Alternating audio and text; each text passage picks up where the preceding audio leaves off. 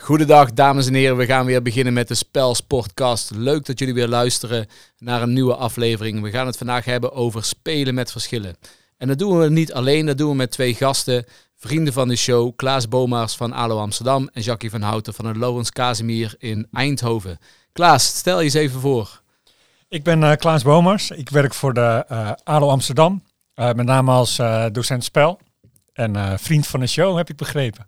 Ja, leuk. Fijn dat je er weer bent. Jackie. Ja, leuk om hier weer uh, te zijn. Ik ben uh, Jackie van Houtert. Ik werk op het Lorenz Casimir Lyceum, zoals net, als, net al werd gezegd. En um, ja, ik ben daar nu vier jaar werkzaam. En ja, zoals ik al zei, leuk om hier weer te zijn. Ja, tof. En ik ben ook niet alleen, maar ik ben nog steeds samen met... Ja, hier ben ik weer. Thijs, hoi. Docent van de ALO Eindhoven. Ja, en we hebben uh, Jackie en Klaas niet voor niks uitgenodigd, want we gaan hebben over verschillen. Uh, verschillen tussen ALO Amsterdam en ALO Eindhoven. Verschillen tussen hoe je opgeleid bent en hoe je gaat werken.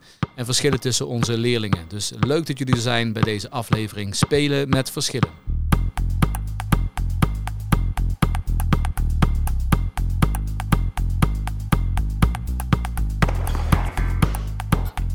Okay, daar zijn we weer. Goed, we gaan beginnen. Uh, Klaas, jij eh, bent uh, ongeveer net zo oud als uh, dat ik ben. Of net zo jong zouden we misschien wel moeten zeggen.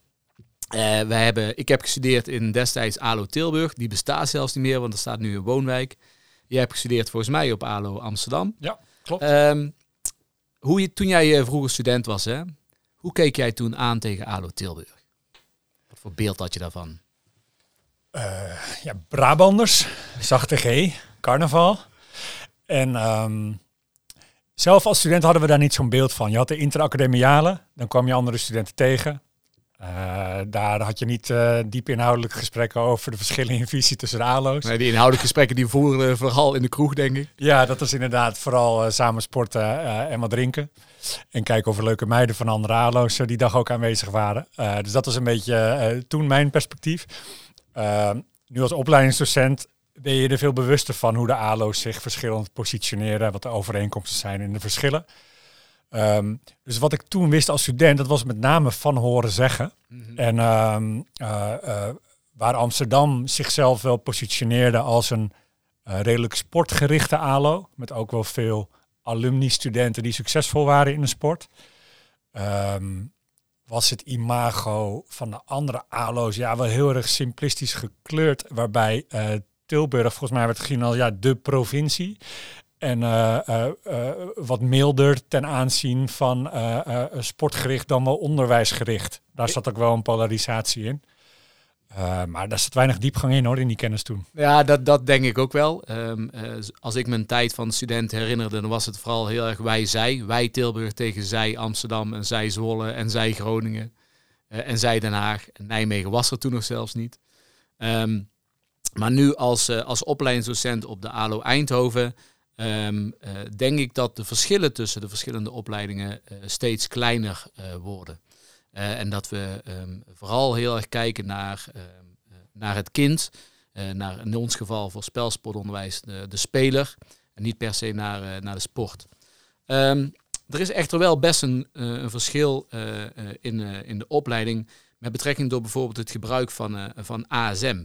Uh, misschien dat jullie ooit van die term gehoord hebben. Als je dat nog niet weet, zoek het eens even op. Maar um, hoe, uh, hoe en wat is ASM en wat voor plaats heeft dat uh, in, in ALO Amsterdam, Klaas? Ja, nou het ASM is een redelijk nieuw bewegingsconcept. ASM staat voor Athletic Skills Model. dat is ontworpen vanuit een bewegingswetenschapper, Vrije Universiteit Amsterdam, Geert Savelsberg. Uh, René Wormhout, uh, lang bij Ajax werkzaam vanuit de voetbalsport en ook bij het Nederlands elftal en vanuit de fysiotherapiehoek. Um, en um, ja, dat is eigenlijk vanuit de sport is het, is het uh, ontworpen, waarbij het idee was, we moeten in de voetbalopleiding, want daar is het een beetje ontsproten, moeten we ons niet alleen maar richten vanuit de jongste jeugd tot de oudere jeugd, alleen maar op voetbal, voetbal, voetbal. Maar we willen het jonge ontwikkelende kind willen we uh, breder motorisch scholen. En dat doen zij vanuit de grondvormen van bewegen, die ook in LO-land al heel lang bestaan. Uh, dus lopen en gaan, uh, rollen, draaien, duikelen, klimmen enzovoort.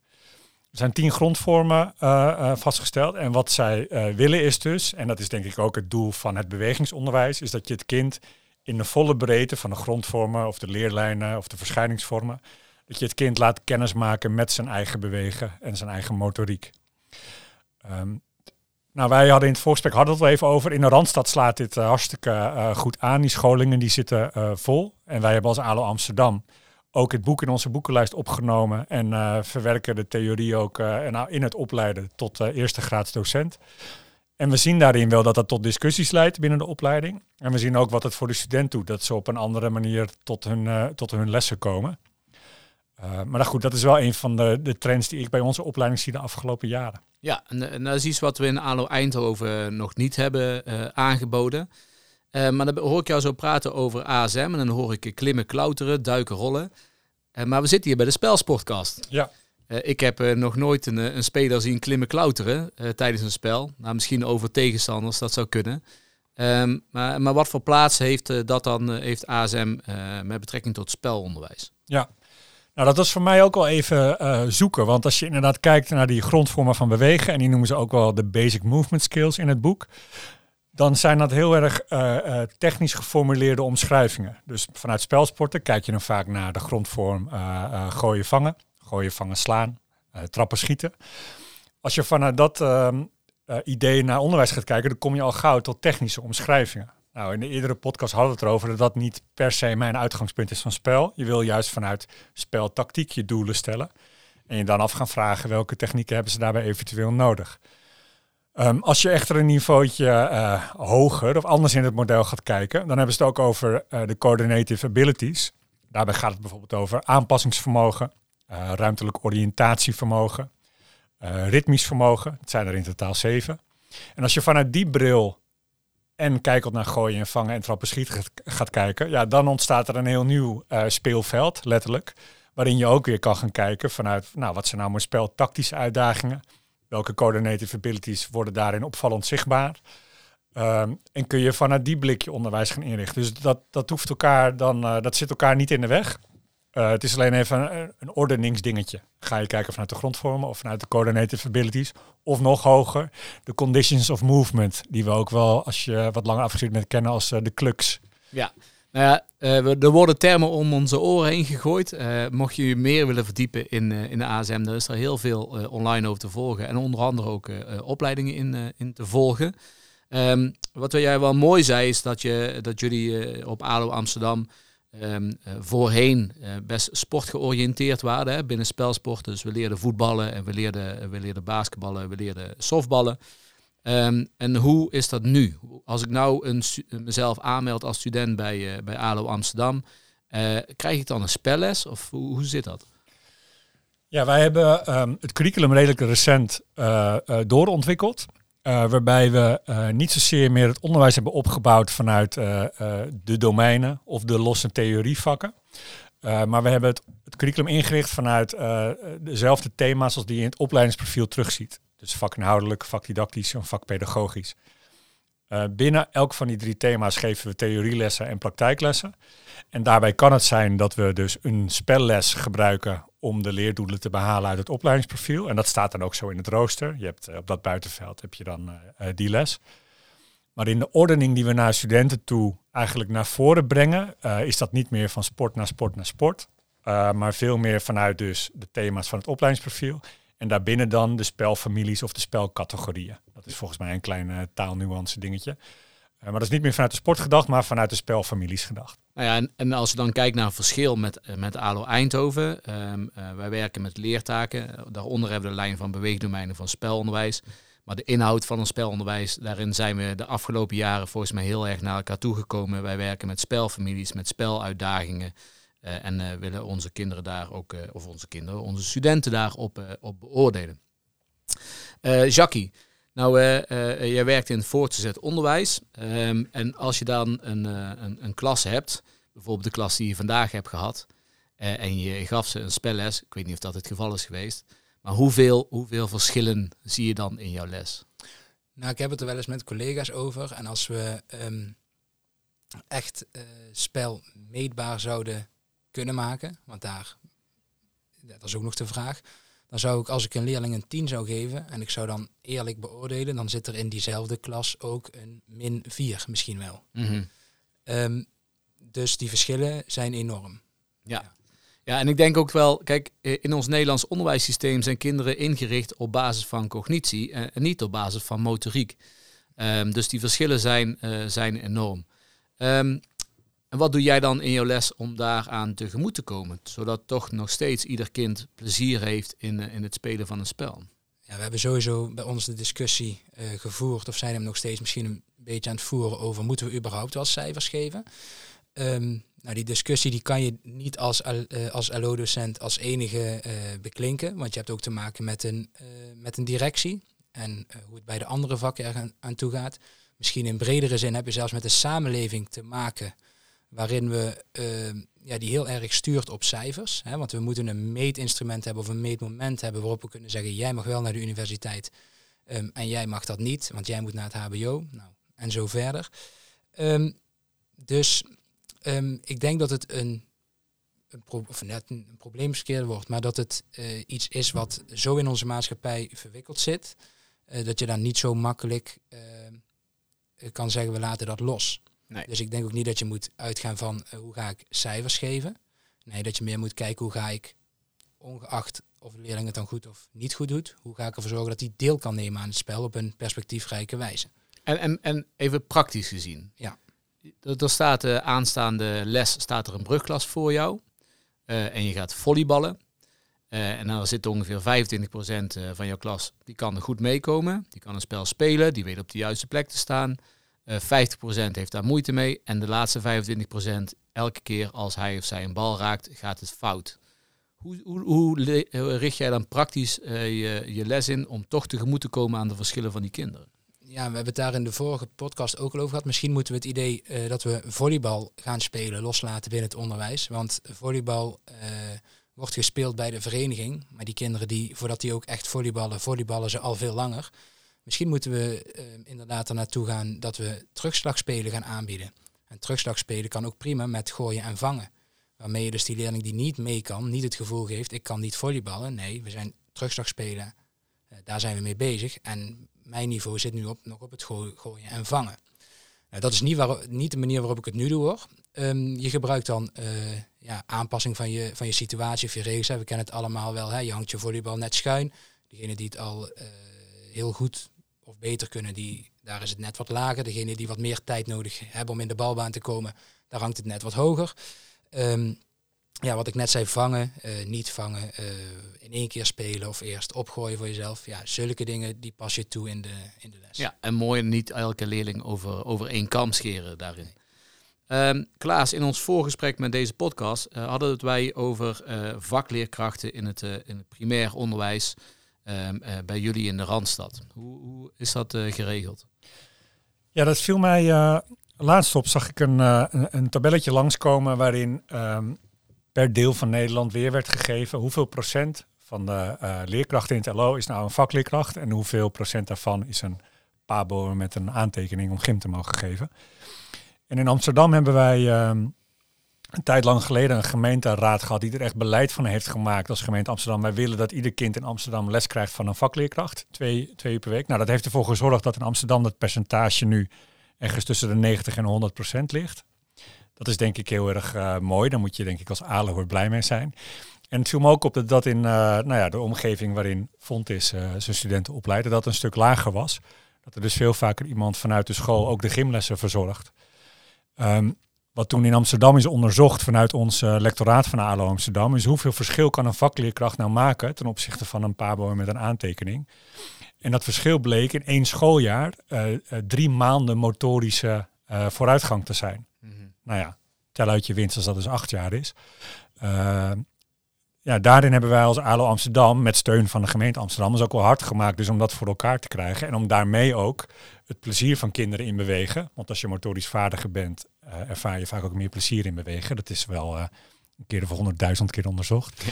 Ja. Um, uh, daarmee proberen wij ons steentje bij te dragen aan een leven lang met plezier bewegen. Ja, nou ik denk dat onder andere in Tilburg, maar ook hier in Eindhoven, de Bos is ook goed aan de weg aan timmeren. Zijn er steeds meer initiatieven vanuit de gemeentes om ook in het primair onderwijs een vakleerkracht te zetten.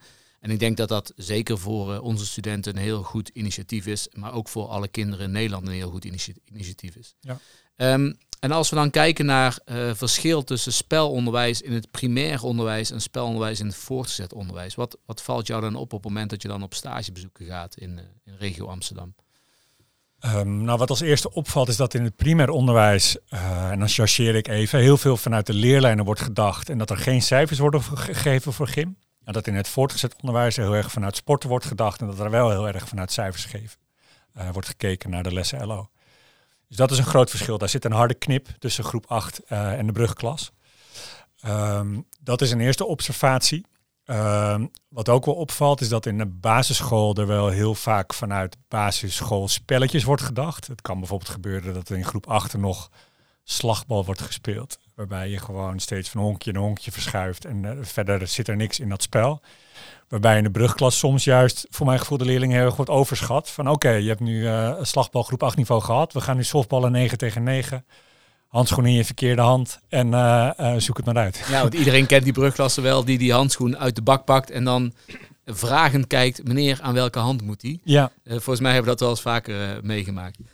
Um, Jackie, uh, als jij dan een brugklas... Heb je brugklas dit jaar of niet? Ja, twee zelfs. Twee brugklassen. Um, heb jij, uh, heb je, kun jij het verschil zien tussen kinderen die een vakleerkracht hebben gehad en die dat niet hebben gehad? En ik, ik weet dat dat lastig is, want je krijgt natuurlijk van verschillende basisscholen, maar...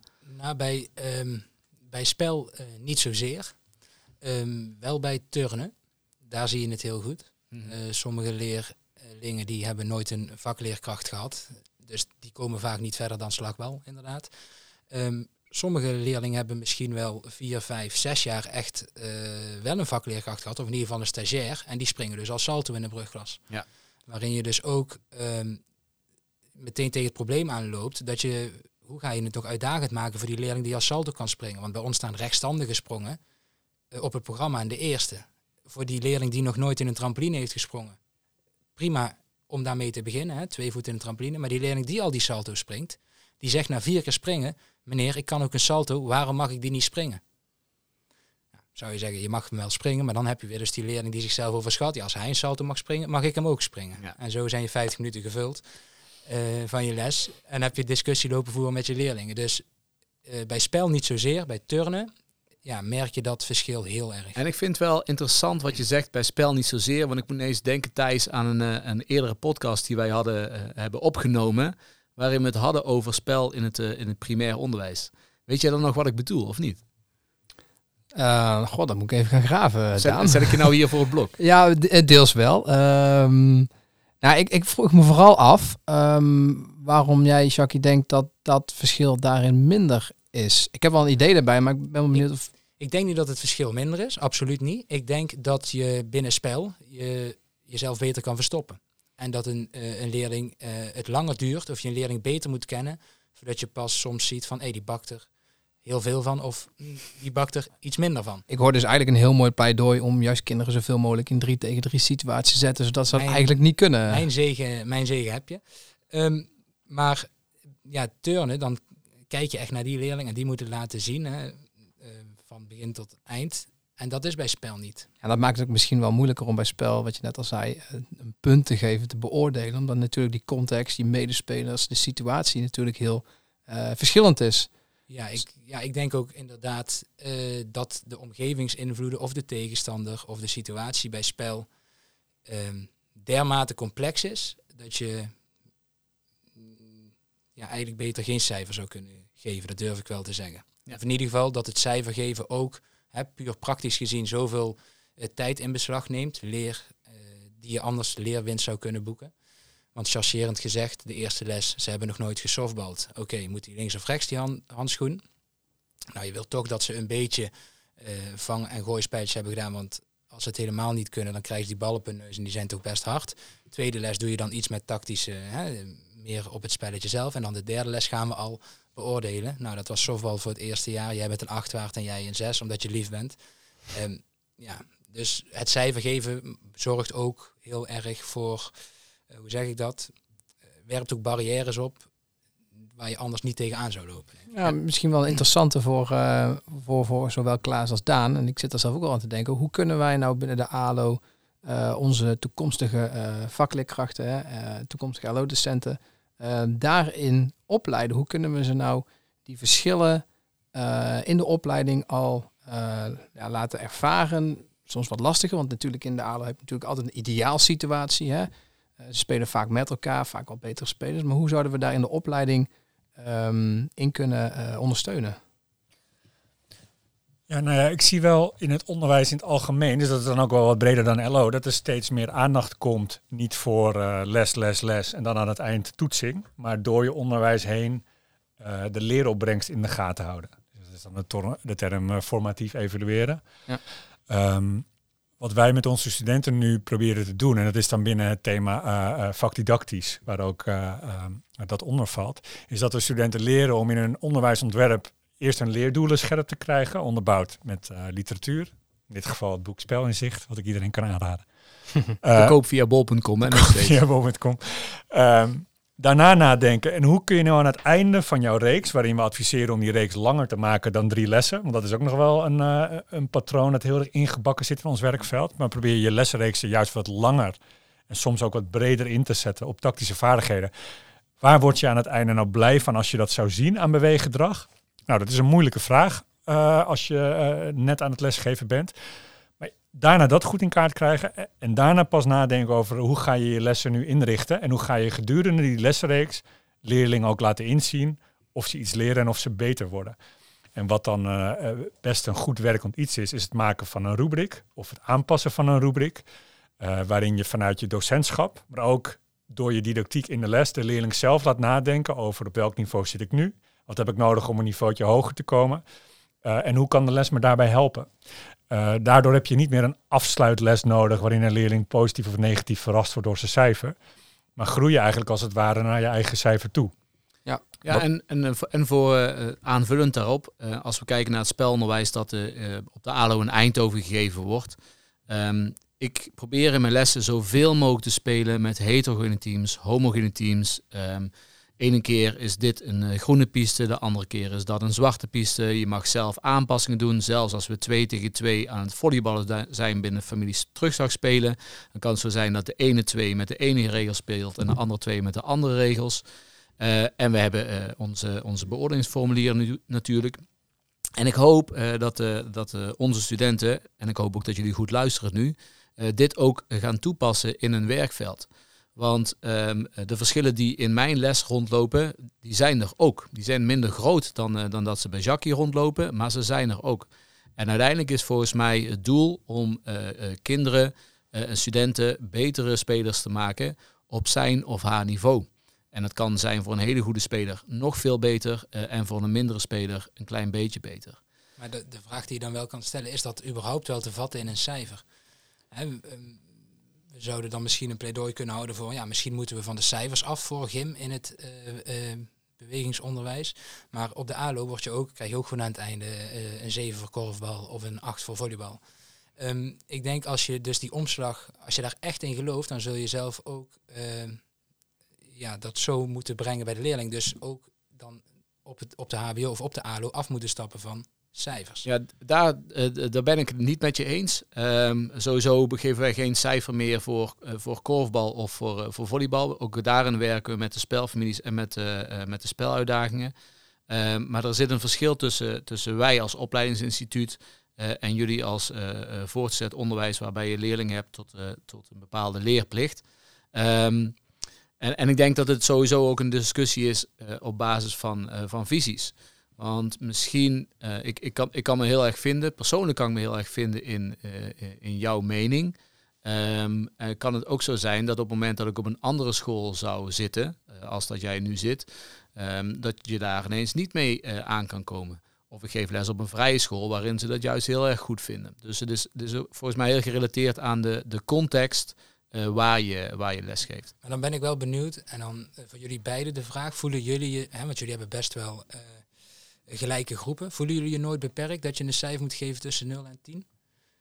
Klaas? Nee, ik voel me niet beperkt. ehm, maar ik zie wel dat er soms nog winst te boeken is in ehm, gericht op welke doelen zijn we nu aan het becijferen. Dus als je mij inderdaad in de context zet, Klaas, hier heb je een derdejaars ALO groep en ik wil over tien weken een cijfer hebben voor korfbal. Dan voel ik me beperkt. Als ik uh, met korfbal als onderwerp uh, hen kan becijferen op iets wat gaat over docentschap, waar ze ook toe opgeleid worden, dan voel ik me daarin niet beperkt. En daarin mag voor mij ook tot een bepaalde hoogte de voorbeeldvaardigheid van een docent, die niet ideaal typisch hoeft te zijn. Maar ik vind wel dat een student als hij meespeelt het positieve verschil moet kunnen maken. Uh, dat mag daarin van mij wel uh, meewegen.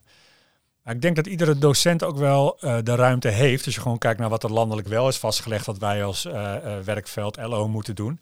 Je hebt als docent volgens mij heel veel autonomie om te bepalen waar je op becijfert. En daar moet volgens mij het gesprek over gaan. Wat zijn nou de doelen van je vak en hoe ga je daar een waardering aan koppelen, met of zonder cijfer? Um, ik vind het ook, eh, net als jij Daan, als ALO, daar kiest een student voor, die wil een eerste graads docent worden. Daar zitten bepaalde eisen aan vast. En die mag je voor mij, volgens mij ook becijferen. En volgens mij zit er ruimte in welke eisen stel je. En niet zozeer in geef je wel of geen cijfer. Ja, en uh, op de ALO in Eindhoven, um, net zoals je net zegt, het geven van een goede instructie of het hebben van kennis over de fases waar een leerling in zitten. De voorbeeldvaardigheid is ook een van de, de tools die ik als docent in me heb. Eh, om kinderen beter te kunnen laten bewegen. Um, en ook ik voel me niet beperkt in het geven van, uh, van een cijfer.